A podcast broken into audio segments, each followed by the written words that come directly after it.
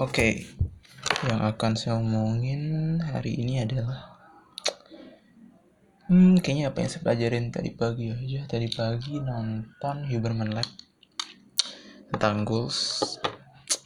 There's a lot of stuff, tapi I think um, I'm gonna share one particular stuff aja. Tapi I highly recommend it um, orang-orang untuk cek Huberman Lab dan nonton karena sangat insightful ya. Soal basically soal how to live a good life. Um, good life tentu saja sangat sangat very ya. Tapi kayak intinya gimana cara supaya hidup sehat dan hidup bahagia? I think I think I think it's it's about that dan dari science perspektif of course. Karena Huberman ini adalah profesor di Stanford hmm, in neurobiological stuff something like that lah. Nah di episode tadi pagi dia bicara tentang how to achieve achieve, achieve goals dan salah satu uh, temuan menarik adalah bahwa visualization itu uh, apa uh, visualization terhadap tercapainya tujuan itu sebenarnya tidak secara otomatis membuat kita jadi termotivasi untuk mencapai tujuan kita. Jadi let's say kita pingin punya badan atletis nih.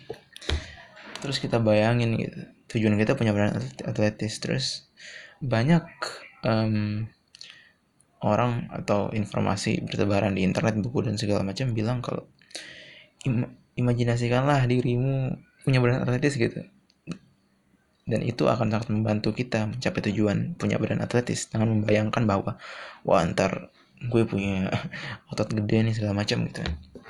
Tapi it turns out that ternyata nggak seperti itu. Ternyata ketika kita memulai mulai melau, mulai mencoba untuk mencapai tujuan kita misalkan hari ini kita kepikiran oh gue mau punya badan atletis nih. Terus kita bayangin oke okay, it's gonna motivate us sebetulnya. Tapi it, it it, it, it only works di awal-awal gitu. Ketika hari kedua ketiga seterusnya itu tidak begitu kerja sebetulnya membayangkan itu.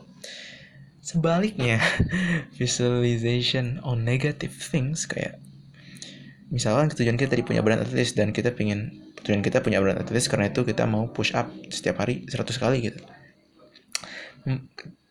yang memotivasi kita untuk bikin kita push up 100 kali itu. Yang lebih memotivasi adalah ketika kita membayangkan anjing hari ini gue harus push up nih tapi malas tapi kalau gue nggak push up ntar badan gue gendut obesitas jelek.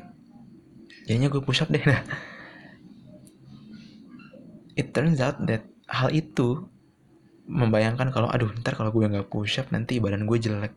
Terus kita bayangin badan kita jelek kalau kita nggak push up.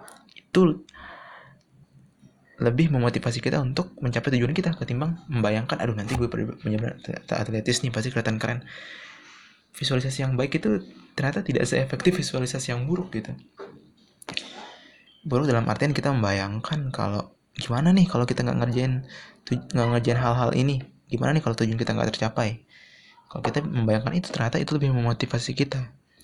Dan basisnya adalah basis biologinya adalah bahwa ya manusia itu emang punya manusia itu punya sensitivitas sensitivitas lebih kepada hal-hal negatif memang. Kita jauh lebih tertarik jauh lebih bisa terdorong untuk menghindari hal-hal negatif ketimbang mengajar hal, hal positif.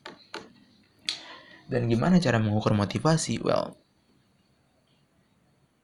it turns out to be easy gitu. Karena basis dari motivasi basis dari kita mencoba untuk meraih sesuatu yang ada di luar diri kita nih.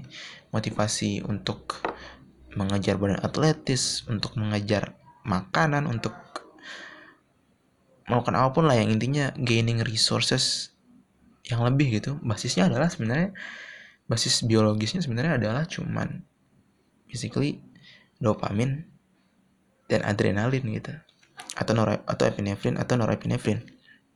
Yang sama aja intinya kalau kita punya chemical itu di dalam tubuh kita itu akan memotivasi kita untuk bergerak untuk mengajar sesuatu mengajar tujuan.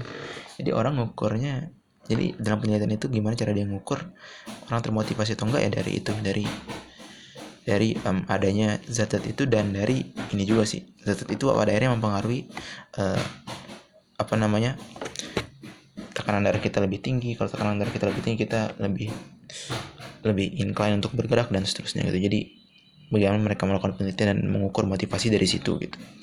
Dan itu menarik ya dan itu kayaknya bisa di bisa diambil gitu sama setiap orang kayak visualisasi yang buruk ternyata lebih memotivasi kita untuk mengejar goals kita.